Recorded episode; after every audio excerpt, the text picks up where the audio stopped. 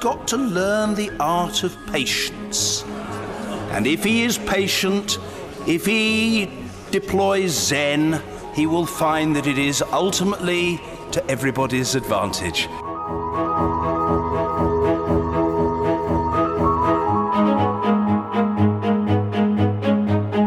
Hi everyone, welcome to the Stuk Rood Vlees podcast. I'm Armen Hakhverdian, a political scientist at the University of Amsterdam.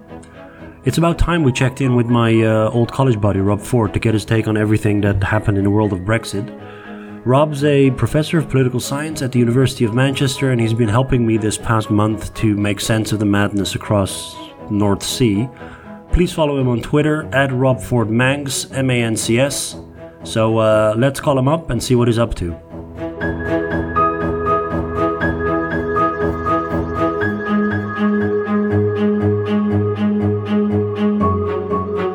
Everyone, it's time for our favorite running segment Brexit Therapy with Rob Ford. Rob, how are you? I'm good. I'm good. I'm uh, continuing to enjoy my uh, national soap opera slash dumpster fire. It's been a particularly eventful uh, set of episodes this week. Yeah, we have a lot. Yeah, we have a lot to talk about. Last time we spoke, you said you were uh, stockpiling beans in your no deal bunker. Yeah. How's yep. how's that going? How's the bunker coming along? The bunker's looking great. I've got a nice collection of, of beans, beans with sausage, beans with jalapeno. And that's just beans breakfast, right? Uh, let me see. Um, a couple of small things before we before we get underway. Did you uh, happen to catch that uh, Bercow was in Amsterdam? No, did, did, did, did the adoring crowds come out to see their hero? He was he was in Amsterdam on Friday. He appeared on a Dutch talk show program in the evening. But uh, this is the good part. Uh, when he landed at Schiphol, people were asking for selfies with him, and they were shouting "Order, order!" Yeah. But you see, that just shows the reach of your podcast, Armen. Well, It's a matter of time before you get uh, that kind of welcome in the Netherlands.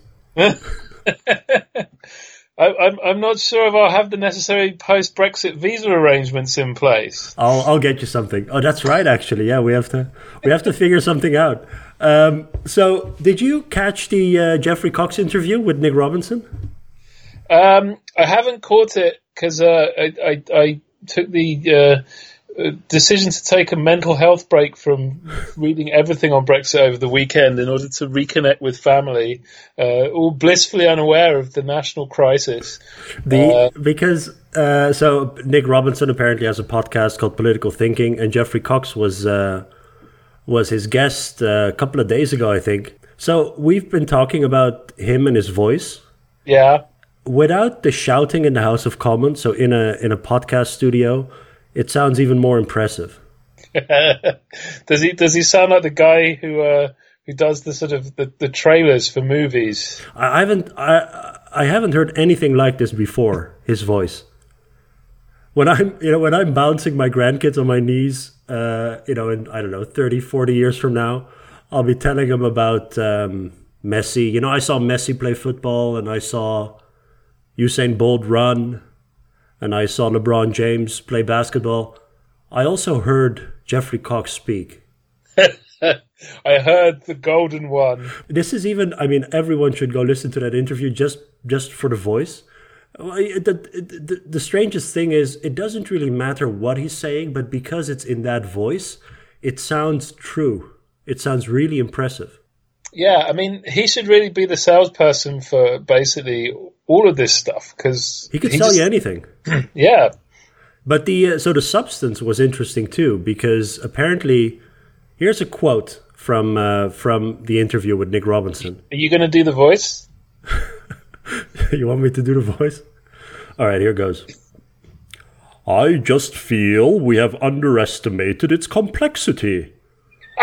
we are unpicking 45 years of in depth integration. This needed to be done with great care, in a phased and graduated way.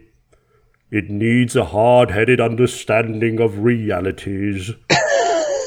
That's ba- basically he's been saying what people have been saying all along that it's quite complicated to leave the European Union after 45 years of in-depth integration. Welcome Yeah. aboard, Geoffrey Cox. I, I just have an image of like Homer Simpson in front of like his control panel at the nuclear power plant, and like smoke's coming out, and all the all the, the red lights are on, and all the indicators are in red, and he goes, "I just feel I have underestimated its complexity." Smithers, who's that man? Homer Simpson, sir. So, but uh, uh, this is unbelievable, right? That that apparently now we're going we're getting this discourse from within the Brexit wing that apparently this is a complicated matter. Can I read you a couple of quotes from uh, from the campaign? Um, please do. I, I'm I'm going to enjoy very much being reminded of how simple this was going to be. So um, here's Michael Gove on the 9th of April 2016. The day after we vote to leave, we hold all the cards and we can choose the path we want. Here's John Redwood, another uh, prominent uh, Brexiteer. Getting out of, the, out of the EU can be quick and easy. The UK holds most of the cards. And here's the best one Liam Fox. On uh, this is already after the referendum in July 2017. The free trade agreement that we have to do with the European Union should be one of the easiest in human history. uh, yeah, not so much. Yeah, unfortunately, the cards that we held were like Professor Plum and the rules of bridge and the Joker, and we were playing poker. So, yeah. although we held a lot of cards, they weren't actually relevant to the game we were playing. Right, it was just random cards. Did, did you? Did you? Michael Gove had a brilliant quote in cabinet this week as well. Army, you'll enjoy this because we're, we're going to come on to the seven-hour cabinet marathon later on. Of course, uh, give us a taster then apparently this is one of the arguments that helped swing it, along, along with um, Mufasa delivering his booming uh, announcement that actually this is quite complicated. um, Michael Gove, when the Brexiteers were saying we can still have the Brexit we want, Michael Gove apparently said, "Yes, well, I want to be the next James Bond, but let's face it, that's not going to happen." These, it's unbelievable. Okay, let's. Um, so before we get into, uh, we have to go back to Monday when the second round of indicative votes was. But just before we get into that, can you explain um, what it actually means when a vote gets whipped or not, or what the consequences are of going against the party line for re-elections of MPs, uh, etc. Because I feel like this week we're going to have some really consequential votes too, and there's going to be a lot of this this type of uh, jargon. Um, what, yeah. what is what is uh, what is the the the, the mechanism uh, in the House of Commons for getting MPs to agree on the party line, and what are the consequences of not doing that? Well, there's the, the, the whipping. There's each each of the big parties has a, a whips office, and the parties agree a line on votes, and then it can have um, three levels of whipping. A one-line whip basically means if you if you happen to be in the House of Commons, um, they expect you to vote for it. Um, a two line whip means that um, they expect you, or, to abstain, sorry. A two line whip means that um, you have, to, you know, if you're there, you have to vote for it, but if you can't make it to the Commons, they're not bothered.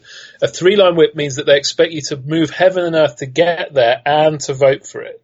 Um, so three line whips are the ones where it shows the party's really serious about this being a policy it wants to push through.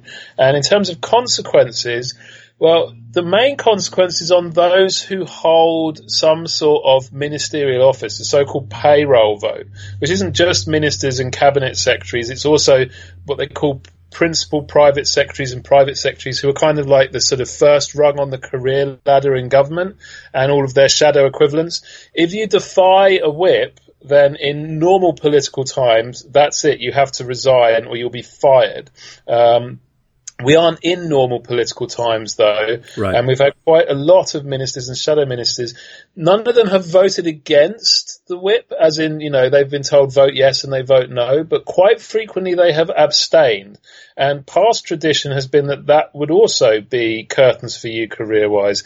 But such is the weakness of uh, Jeremy Corbyn and Theresa May's positions that they've not felt able to uh, fire people for abstaining on critical votes and or they're actually not as bothered as they claim to be, and so are willing to let those abstentions sort of slide. So it's fair to say whipping operations have very much broken down uh, in the course of this uh, drama, much like everything else. Uh, you know, you can add that to the long list of parliamentary institutions that have stopped working properly. Um, but in theory, the idea is if you defy the government, it's bad news for your career. What about for backbenchers or regular MPs without without cabinet office? What is the consequence of going against the party line? Well, in the case of Jeremy Corbyn, the consequence of being the backbencher who defied the party line more often than any other backbench MP in Labour history was that he ended up being Labour leader. um, so uh, that kind of illustrates that the consequences are not that serious. Um, there's not much you can do to a backbencher unless you're willing to um, withdraw the whip from them altogether, which means that they're no longer considered to be a party MP. And parties tend to regard that as a nuclear option that they only use in situations, uh, they don't tend to use them in parliamentary votes. They tend to use it when people have broken the law. There's a major scandal. You mean that they would they would it basically means getting kicked out of the party? Yeah. And then when there's uh, when there's new elections, uh, they would uh, put up another candidate exactly in, the, in that exactly. constituency. So that's really the only thing you can hold over backbench MPs, but parties very, very seldom use it um, for obvious reasons because it's a pretty blunt instrument. Because if you've withdrawn the whip from an MP, he's not really got any incentive to behave like uh, in the way that you want him to going forward, and then you're lumbered with one less vote. Um, the one situation in which it could come to be used, uh, which is relevant given where we are right now, is that if MPs vote against their own party on a confidence motion, they can have the whip withdrawn from them, and indeed it's customary that they do. Um, so if the so-called and now self-styled hard men. They were Spartans a week ago, Armen. You might remember. They've now become hard men. Um, so you know they're like Vinnie Jones type characters, apparently, like wandering around banging people's heads into cars. If the Brexit hard men uh, vote no confidence in their own government, they could end up being kicked out of the Conservative Party uh, and then become independent hard men. Uh, and we discover whether or not the local voters in the seats that they represent would prefer to have a hard man or a Conservative representing their seat. Um, right. So they, they could end up voting themselves out of existence, which would be an appropriately futile act of self-destruction from people like um, Steve Baker and so on. But it, the, the, that's really like the only ca- case when when parties kick people out. So backbenchers can defy the whip. I mean, in in the past, it's tended to be like a black mark against your name. You'd be less likely to get into government and so on and so forth. In these strange times, I don't think that's really bothering anybody or holding them back. Uh, and, you know, to be honest, like Phil Cowley, who's written a lot on this, says that backbenchers are becoming steadily more independent as time's gone by uh, and defying the whip more and more often and acting more and more independently. Um, so increasingly, MPs really are willing to defy their parties if they see it as, as an issue of sufficient importance. And in that situation, there's not much parties can do. Right. Okay, Monday, last Monday, indicative votes round two.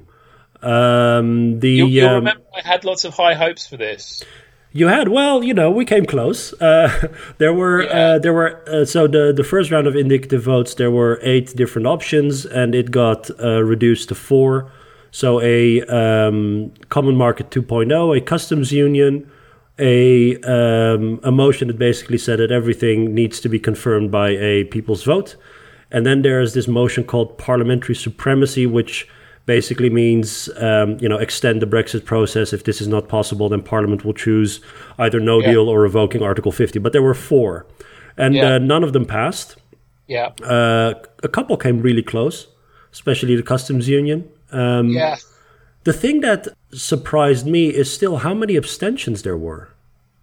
Yeah, and that's quite consequential for where we're going next. Right. The, the, there's basically two groups of abstainers.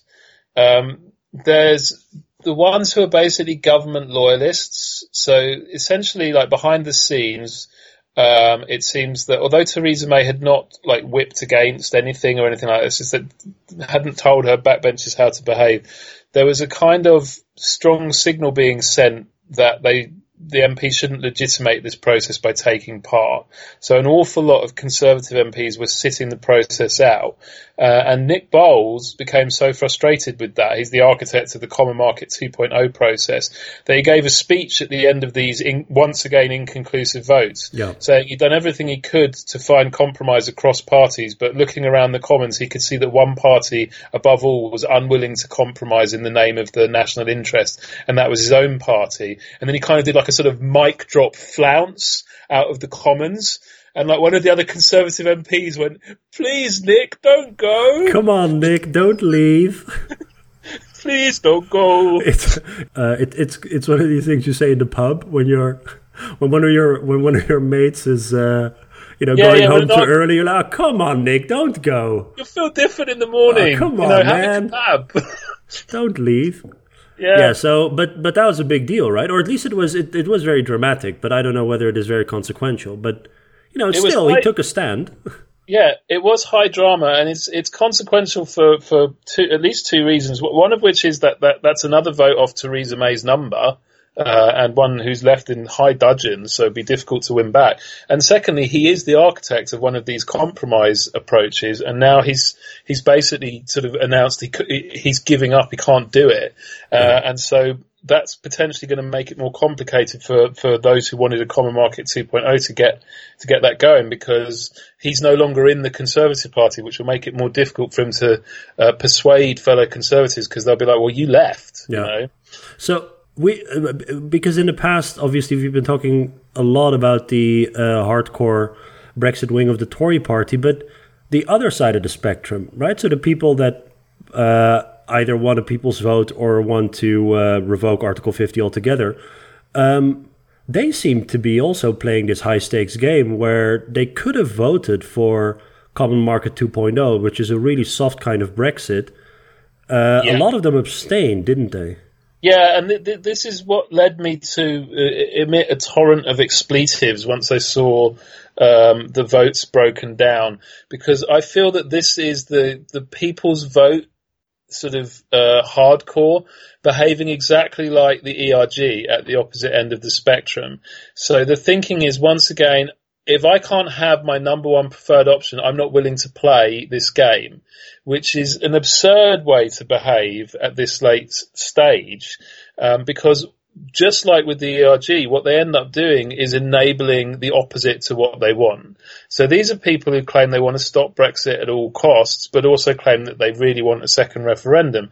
But this wasn't even a particularly big cost to pay to just indicate which possible version of a softer Brexit would be acceptable to you so that it could get over the line and move the process on. And they wouldn't even do that. I mean, Jesus Christ, I mean, what are these people doing in the House of Commons if they won't even like choose something?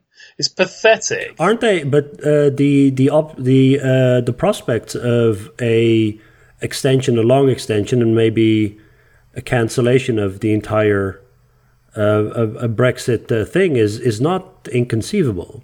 I mean, there's No, it's not hope. inconceivable, but you know, there's an awful lot of things that are not inconceivable at this point. It's highly uncertain and fraught.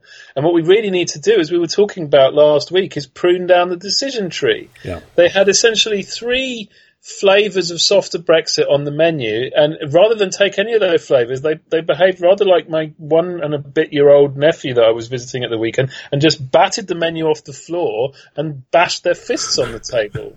You know, I, I I think it was utterly pathetic, to be perfectly honest with you, because that advances nothing. You know, the Conservatives, and particularly the hard Brexit Conservatives, were delighted because then they could shoot down the whole process and say, "Look, look at your big." Indicative votes jamboree. What a waste of time that was. Yeah. No, so it was a really stupid and self-defeating way to behave because a majority for any of those soft Brexit outcomes does not in any meaningful way rule out a second vote. What it enables is you can say what the second vote would be on. Right. You know, Yeah. come on, guys. You know, you, you've got more brain cells than, than Mark Francois, don't you? So why not use them? Who who's who's that? Oh, Mark- Mark Francois is the man who, in explaining his recent behaviour in the House of Commons, said, "Up yours." He's one of the Brexit hard men. Okay. All right. Uh, yeah, that was Monday. Um, Yeah, There was so there was no uh, majority, even with with only four options. So Yeah. on Tuesday, May called for a, a marathon cabinet meeting. Yeah, seven hours it went on, which is like apparently some sort of a record. And they had all their phones confiscated. Well, what works for primary schools works for the British cabinet. I would I would imagine. Yeah, they also they weren't allowed to leave the room for lunch. They had to have sandwiches brought into them because it was there was fears that some of them would grab phones off of like random flunkies and start like feverishly tweeting out their spin on the cabinet and so on. Was it clear going into the cabinet meeting what would be discussed, what the what the um, what the various scenarios were, or was basically everything on the table? No, it was really weird actually because normally, uh, following this process closely as I do, like uh, at the beginning of each day, you get some very clear ideas about what's going on uh, because all the senior people like brief out the big name journalists and give them a clear idea. But there was basically no consensus at all amongst the sort of Westminster lobby journalists about what was even being discussed at cabinet, let alone what would be the options on the agenda. Some thought that it was preparation for another election. Others thought that it was exactly the opposite of that, and it was Theresa May trying to scare the living daylights out of them about the prospect of another election being terrible. Some thought it was May trying to roll the pitch for voting on her deal again. Some thought it was May trying to roll the pitch for, um, you know, uh, abandoning getting votes from the Conservative side and moving to a completely different deal. Some thought she was going to go to indicative votes. She was going to absorb the indicative pro- votes process from the previous day. No one really knew. It was weird, and it went on for ages. Right. Um, so you know, we didn't really know what was going to to happen um, w- with all of that. Uh, and then you know, uh, May came out and appeared on TV with the cabinet incidentally still locked in the room they'd been stuck in for seven hours. They weren't. They weren't allowed to uh, use their phones while she was uh, while, while she was giving her speech. No, they weren't allowed out, literally physically out of the room until after she'd finished her speech. So, you know, this, and you, you may um, know, Armen, that the last few of Theresa May's TV appearances have been, you know, underwhelming, to put it mildly. Yes. Yes. They've mainly consisted of her going up and announcing Brexit means Brexit and I'm not very happy with anybody and then walking off. And it's like, well, why did I have to watch that then? What did I learn? This was very different because, oh my God, it was like, the whole thing was turned upside down out of the blue. She was like, yeah, I'm now sick to death of dealing with the so-called Brexit hard men. So I'm going to go and talk to Jeremy Corbyn and see if I can get Labour to agree a different type of Brexit entirely and everything's on the table. yeah. And you know, this is a woman who has repeatedly refused to put anything on the table, suddenly announcing, "Hey, guess what? Let's try from square one with three or four days to go." Uh, to do a deal with the main opposition party um, because I hate the idiots on my side who won't vote for my stuff. And incidentally, she basically put it in writing to all Conservative MPs that the reason she was doing this was because these stubborn ass, self-described hard men wouldn't vote for her deal, so it was on them. Yeah, but she she gave them the finger in in several ways. It's not just you know cross party Yeah. talks with Corbyn that would lead to a softer Brexit. Also, that she would seek a further extension of Article 50. Um, yeah. And also uh, that if all of this broke down, uh, or at least the talks with Jeremy Corbyn, that she would have a runoff in the Commons uh, between her deal and a softer alternative. So her deal was pretty much every you know the best case scenario Yeah. for all this for all these hardcore Brexiteers. But yeah, they uh, uh, they couldn't have been happy with what she said. No, and the other thing is that she made it like finally, for the first time probably in this whole process, the woman who once uttered the words over and over again, no deal is better than a bad deal. Incidentally, the dumbest sentence uttered by a prime minister in modern political history. She basically turned around and said, any deal is better than no deal. And I will never accept no deal. She basically more or less fully rode in behind the position that she will not accept no deal, that no deal is unacceptable to her. Um, you know, whereas previously she'd always left herself enough wiggle room that she could swim back to the position of, oh, I might do no deal. You know, my fingers on the button, man. Yeah. I might do it. Um, this this TV broadcast was basically saying, as long as I'm prime minister, that's not going to happen. And if I have to uh, ask for a long extension from the EU, then so be it. Um, so it was a huge step, uh, actually. And of course, like the Brexit wing of her own party went completely doolally immediately and freaked out, um, but then discovered that the only uh, weapon in their armory for getting rid of uh, the prime minister that was now going in for talks with the man that they were variously describing as revolutionary Marxist, friend of terrorists, etc., etc., um, was the confidence vote that they did last December, and that basically gives her immunity until this December. Um, so they were like, "Yeah, we want to get rid of her." Uh, how do we do that? Um, yeah, the only way to do that is the thing you tried last December that failed, and you can't do it again until next December. So yeah, sorry. right. And the uh, there's there's another. I'm just uh, thinking of it. The uh, the the Geoffrey Cox podcast with Nick Robinson. He used a metaphor for what May's deal was, which was a uh, something along the lines of a um, a raft uh, put together with a couple of barrels and a couple of uh, you know a, a, piece of wood. And uh, yeah of course it's not it's not very comfortable and maybe it's not safe but at least it'll get us to open sea. Well maybe we could combine it with the, the metaphor that one of the other backbench MPs used a few weeks ago when we did the first Brexit broadcast when he described the Brexit deal as a turd the best turd on offer. So now what we have is the raft of turds. And, you know, sitting on a raft of turds, it's not the ideal situation. But if it gets us out to the open sea, yeah, exactly. It'll get us out to open sea, and, and you know, and, let and the us first set sail on the raft of turds. And the first, you know, the first uh, breeze or a breeze of wind or wave uh, knock, knocks you over. Anyway, um, but at the same time, or at least sort of at the same time, there was this uh, movement in the House of Commons to introduce a bill that rules out no deal Brexit, right? The Cooper yeah. bill this was this was like really really bizarre um, because this this was kind of like you know if if DC brought out this new um, Joker movie that they'll spend like a year like building a big trailer to. It's like this huge event, you know, and then um, you know the Marvel universe put their like Avengers Endgame movie the day before, so no one's going to come. Uh, so this this was going to be a huge deal, that you know Yvette Cooper and the soft Brexit gang, who had been laying the ground for this for weeks, were going to ram through a bill in a single day. Yeah. something that hasn't been done since the midst of the financial crisis, in order to make it legally, like legally bind the government to extend Article 50 if necessary to stop No Deal Brexit. Yeah.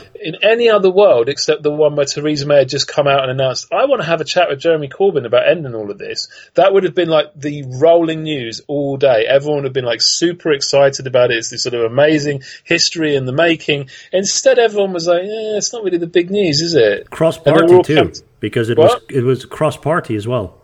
Yeah, yeah, and it was incredibly narrow margins. At one point, there was a tied vote yeah. that Bercow had to break. You know, we talked about that a couple of weeks ago, how dramatic that would be. And it was like, yeah, that's kind of nice, but it wasn't. It, it, wasn't the huge high drama moment it would have been if everyone was watching this as like critical to the outcome. But at this point, everyone felt it was a little bit moot because May had already said she was going to ex- ask for an extension. So the the uh, so the bill was passed with uh, one one vote difference, right? One vote. Right, exactly, yeah. At, yeah. At, at, like half past 11 at night or something, the third reading, because it had to go through, you have to, the bills have to go through three stages in the Commons, and then they have to go to the Lords. And then there was a whole freakish sideshow the following day, incidentally, um, where the various geriatric Lords got into very huffy arguments with each other about procedure. Exactly. So, but at the same, so as this is all going on in the in in Parliament, basically both houses, you have May and Corbyn uh, yeah. talking about talking about the deal. How's that going? Just the two of us. we can make it if we try. Just the two of us. Are they? How how do they? Do people know how they get along? Um, behind well, behind closed doors. I mean, in Parliament, obviously, they you know there's a lot of uh, antagonism they're both considered to be socially awkward and unreadable characters. I mean, I think May even more so than Corbyn. So I can't imagine this was like much fun for the various advisors in the room watching them awkwardly trying to interact with each other. Right. Also, they're both really tribal politicians who have literally spent their entire adult lives regarding the other side as the embodiment of evil. Right. Uh, so you know, super awkward. Really. But it started out uh, rather rather well. At least you know May announcing that she would actually talk to Corbyn, and Corbyn saying that you know this is you know his he took his responsibility seriously to see whether or not a compromise could be reached. Although, from what I gather, in the year in, in in the days after, it turned out that you know they were still deadlocked as ever. Yeah, they, they, they talked for remarkably long periods of time, and there were like all the senior bigwig advisors were there, which showed that both sides were, meant meant business. Um, and and ultimately, they're not that far apart as leaders because Corbyn's pretty pro Brexit, and essentially his big ask is this customs union. And apparently, at one point, this is another great quote uh, that I read over the weekend. Apparently, at one point, like basically, May doesn't want to. She was trying to convince Corbyn that like she could give him a customs union, but she couldn't call it a customs union because the Conservative Party would freak out. And she's basically like saying, well, you know, um, and you know, I don't care if we call it Allen, we just can't call it a customs union. So you know, we would have the new Brexit Allen deal. We'll call it Bob. Brexit plus Allen. What's Allen? Allen is Allen. So, you know, that's potentially what we'll get on Monday is that Theresa May will come out and announce that the Allen compromise has, has been agreed. But Corbyn is not particularly keen on a people's vote himself, everyone seems to think. I mean, he's never really rode towards it with much enthusiasm. And there's a big chunk of his MPs who really hate it. So on party grounds, he's got problems with it. But what was unclear from this process is whether or not he was going to make it like a, a you know, deal breaker ask. Number one. And number two, all the Labour people were saying it wasn't clear what May was going to make as a big offer. Yeah. I mean, ultimately, as far as they were concerned, you know, she has to lead this dance. She's come to them looking for votes. The risks with them because they become embroiled in her deal at the last minute. So they need some big thing on the table as a quid pro quo, and they've not been given one. Um, and what they got from May was just a lot of talk without a big offer. Um, there's now talk that like that, that big offer might be coming because the process didn't shut down. No. They just all said, you know, it's not really going anywhere, so let's call it, let's call time on it for the weekend. I mean, like, you know, we got loads of time. Uh, it's only like five days until we leave with no deal. Let's all just go back to our allotments and reflect uh, for a couple of days. It'll be fine. Um, so we may see movement tomorrow. Uh, it may be that May makes a big offer at this point now that she knows what that, Labour are going to require it if she's going to get the votes and she's got nowhere else to go, or maybe she thinks, well, let's just punt it into a really long extension from the EU, which she's going to have to ask for anyway, um, which was the third part of this week. So th- this week was like three. It was like like an episode of Game of Thrones with like three big plots going on at once. There was the Parliament taking control plot. Yeah. Uh, there was the Corbyn May plot, and then the third plot, which came to the fore at the end of the week, was the the EU plot, the Brussels plot. You know, because um, the the next No Deal deadline is five days from now, the twelfth of April. Um, May's got a big, got to go to the big EU summit. She's supposed to have something to give to them, something to offer about what she's going to try and do doesn't look like she's going to have much to, to, to offer there, except that she is at least talking to Labour at this point, and they're going to have to decide what they want to do with that. Are they going to give us a long extension? Are they going to give us because her her sort of thirtieth of June thing that ain't going to fly, I'm afraid, um, because that's long enough to screw up the European Parliament process, but not long enough to actually give the government dis- an ability to decide things from first principles. So that's going to have no supporters in Europe. Yeah, the uh, uh, from Europe's angle, from what I've read, is um, uh, if there is a plan forward, uh, a real clear plan forward, they could work with it. Otherwise, it would be a, it would have to be a really long extension. Yeah, well, the the, the, the, the term that's been gathering pace to add to our marvelous Brexit lexicon is flextension. That was Donald Tusk's invention. The English language is another victim of this entire process. A Yeah, Brexit yeah. flextension. The Brexit flextension, yes, because what we needed was another portmanteau. God. Uh, it's flexible extension. Yeah. Uh, all the flexibility of a short extension, but all the can kicking of a long extension. Everybody's a winner. But it seems like a couple of the uh, heads of state and prime ministers in the council uh, are really opposed to this sort of vague flex tension type deal. I mean, what what Yeah, is it even? The French in particular hate it um, because they feel that the pressure needs to be put on the Brits so they won't decide anything. Um, but the rest of the EU, particularly the Germans, seem keener on it because they figure, well, you know, either the UK decides something and then they leave early because the process will enable that, or they take forever and then we don't have to have another freaking summit every three weeks because this is getting boring. Um, so it, it allows for both options. Um, but it's not clear how the summit will come down on that because they, they are becoming fed up with us. Yes. And, you know, we don't know how the heads of states dynamics will go.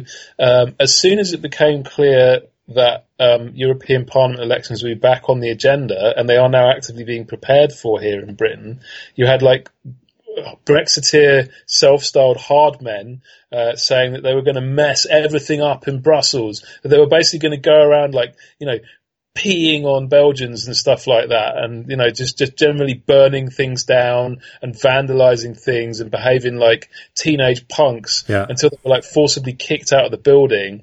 Uh, and that wasn't exactly going to endear European heads of state to the idea of a long extension, which is presumably the point of that kind of behaviour.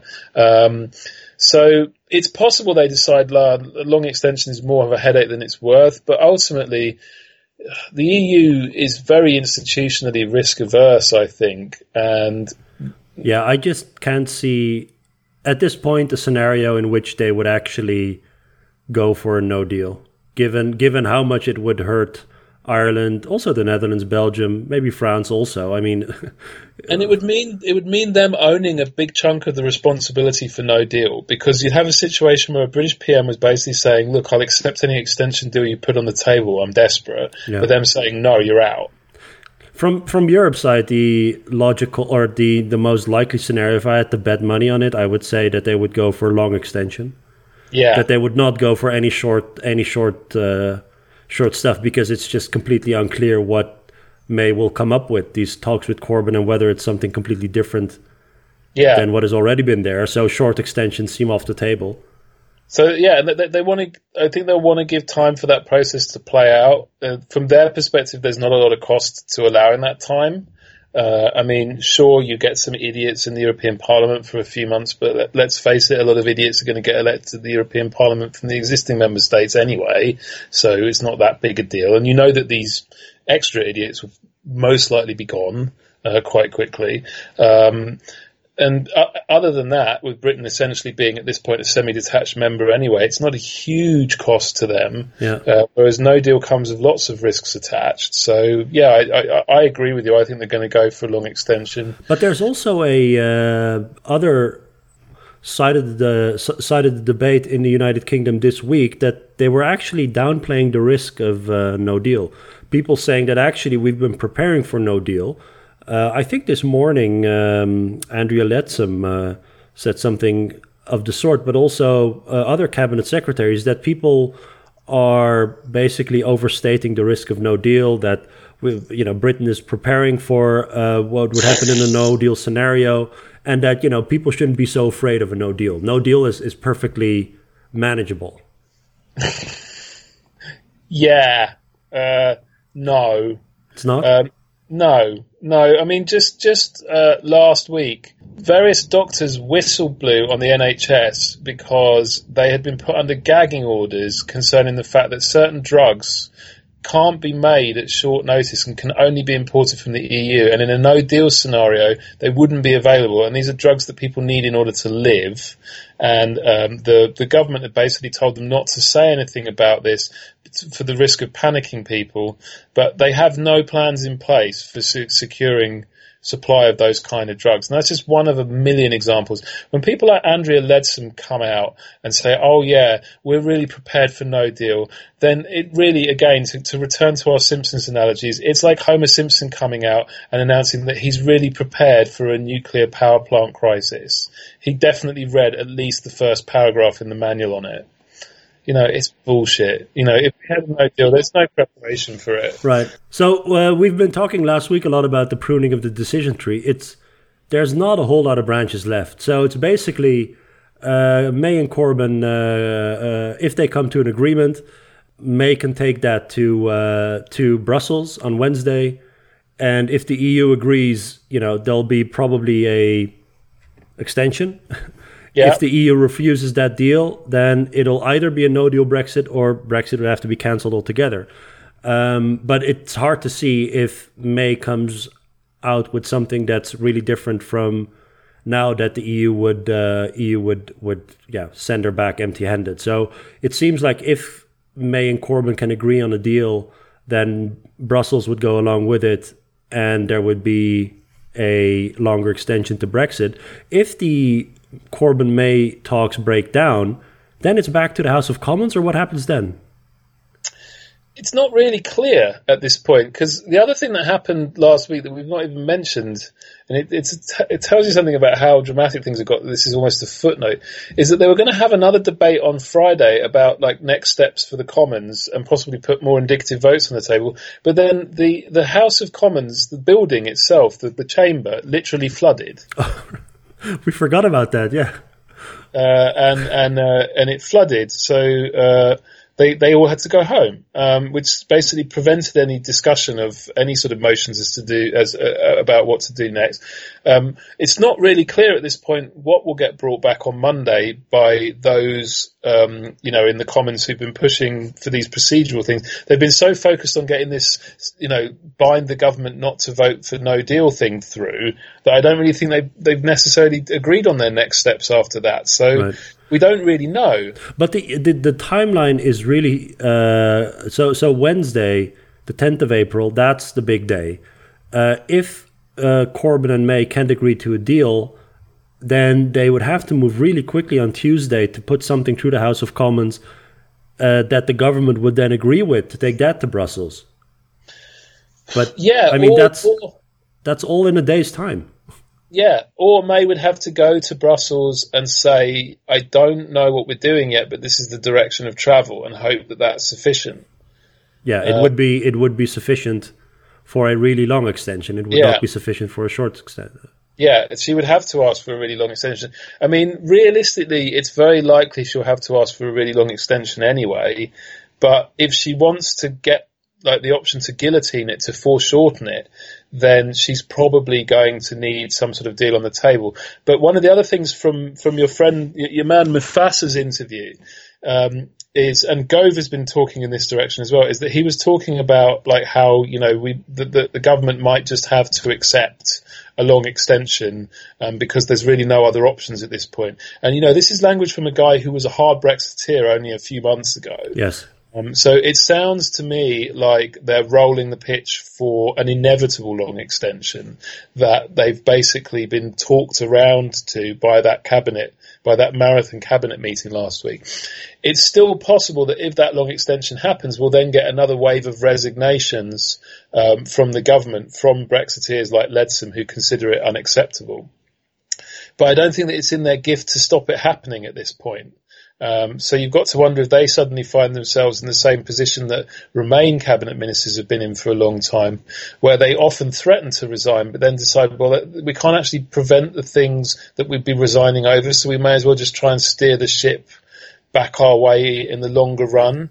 And the thing about a longer extension is that everything would be in play again. And all the Brexiteers know that May is planning to go quite soon. This might be one of the reasons that they've suddenly starting to sound less annoyed about it. But is is her uh, proposal still, or the the uh, the proposal she had? You know, if my deal passes, I go. If my deal doesn't pass, I stay. Is that still on the table? Yes, yes, but also her authority is now so shot to bits with the party that it's widely expected she'll go at some point in the next few months anyway. Even if she didn't, and she stubbornly clung on to December, she, you know, when the, the confidence thing uh, sort of runs out of time, she'd go then. Right. So we're basically like the early stages of a conservative leadership election are already underway, and a lot of the Brexiteers are probably imagining that a long extension is good because it means game back on for the kind of options they want once they get a leader in. Right, but I'm assuming that Labour and some other parties they would want to have some sort of agreement in whatever they, uh, uh you know, whatever whatever deal they come up with that is sort of let's say Brexiteer proof if May gets uh, if May's successor is a hardcore Brexiteer who could throw ev- you know everything. Yeah, oh, you've you've jogged my memory on another wonderful phrase that we've had this week, Armen, which apparently what what May is looking to do in her offer to Labour is to is to offer them some sort of Boris proof uh, assurances. Right, but yeah, because That's, the that's the point to, to to lock it in in a way that Boris or whoever couldn't unpick. Yeah, can screw it up. That's, that's Labour's major concern. Um, for example, they could write it into the withdrawal agreement legislation, which would make it really hard to then extract without reopening the withdrawal agreement legislation, for which there wouldn't be a majority. Um, so there, there are ways that they could do it, but it would take more time. And again, that points to a long extension. So, of the four options, which is a short extension, long extension, no deal Brexit, or cancel Brexit, where are you? What are you betting on? Long you had to. extension is looking the likeliest. I mean, Yeah. the other options really are only coming onto the table if the EU won't play ball with a long extension, and my suspicion is that they're likely to. So that that's that's where my money is for where we go next. Yep. And the good news about that, Armen, is that that means that our uh, Brexit therapy series will be renewed for another long season. And- we could do this every week until We- the beginning of 2020. We will. And uh, another thing, well, maybe this is not something to look forward to, but if you enter the European elections, isn't Farage participating again? Oh yeah, yeah. The the European elections here will be an absolute parade of idiocy. It will be the the biggest farce. He because he has a new party, but UKIP will still participate under its Yeah. own banner. Yeah, yeah. But it's UKIP versus TrueKip, Right. Yeah. and but there's also the the, the, the MPs who all left, Labour and the Conservatives, the the Tiggers, Yeah. the independent group. They've rebranded themselves. They are now um, Change UK or CUCK. Uh, so. It will literally be the CUCK party versus the Brexit party. And of Uh, course, the electoral uh, system in European elections is proportional, right? Yes. So- yes. You know. So all sorts of um, interesting characters could get elected. But my view is it'll be treated like a, a, a dress rehearsal for a second referendum. So it would end up being dominated by the Change UK gang, the Cucks, and the um, the, the True Kippers, the Brexiters. And I wouldn't be surprised if those two topped the poll. Uh, because both sides would be saying, you know, the the, the, the the Remain side would be saying this, this is our route to getting a, a second referendum on the agenda, and the Brexit side would be saying this is our last chance to save Brexit. We shouldn't even be having these elections, but let's let's uh, tell the establishment uh, what they need to hear in order to get this thing done. And the campaign will be an absolute oh an absolute nightmare, but. At least we'll be able to do some good Brexit therapy sessions to help me work my way through it. Good luck this week, Rob. On Wednesday, Wednesday is the big day. Yeah, yeah. Another big week coming. Another big week coming. So, um, oh, another thing next week, Game of Thrones is back on. Yeah, maybe right, next uh, for, for the maybe for the next Brexit therapy session, we should we should throw in some uh, Game of Thrones predictions as well. absolutely, absolutely. You got to hand it to HBO. They timed that brilliantly as far as the, the British context is concerned. Winter is coming. The long Yes. night. The long night. Yeah. All right, exactly. Rob. Take care this week. I'll talk to you. Uh, I'll talk to you next weekend. Yeah, absolutely. Speak then. All Cheers, right. Take care.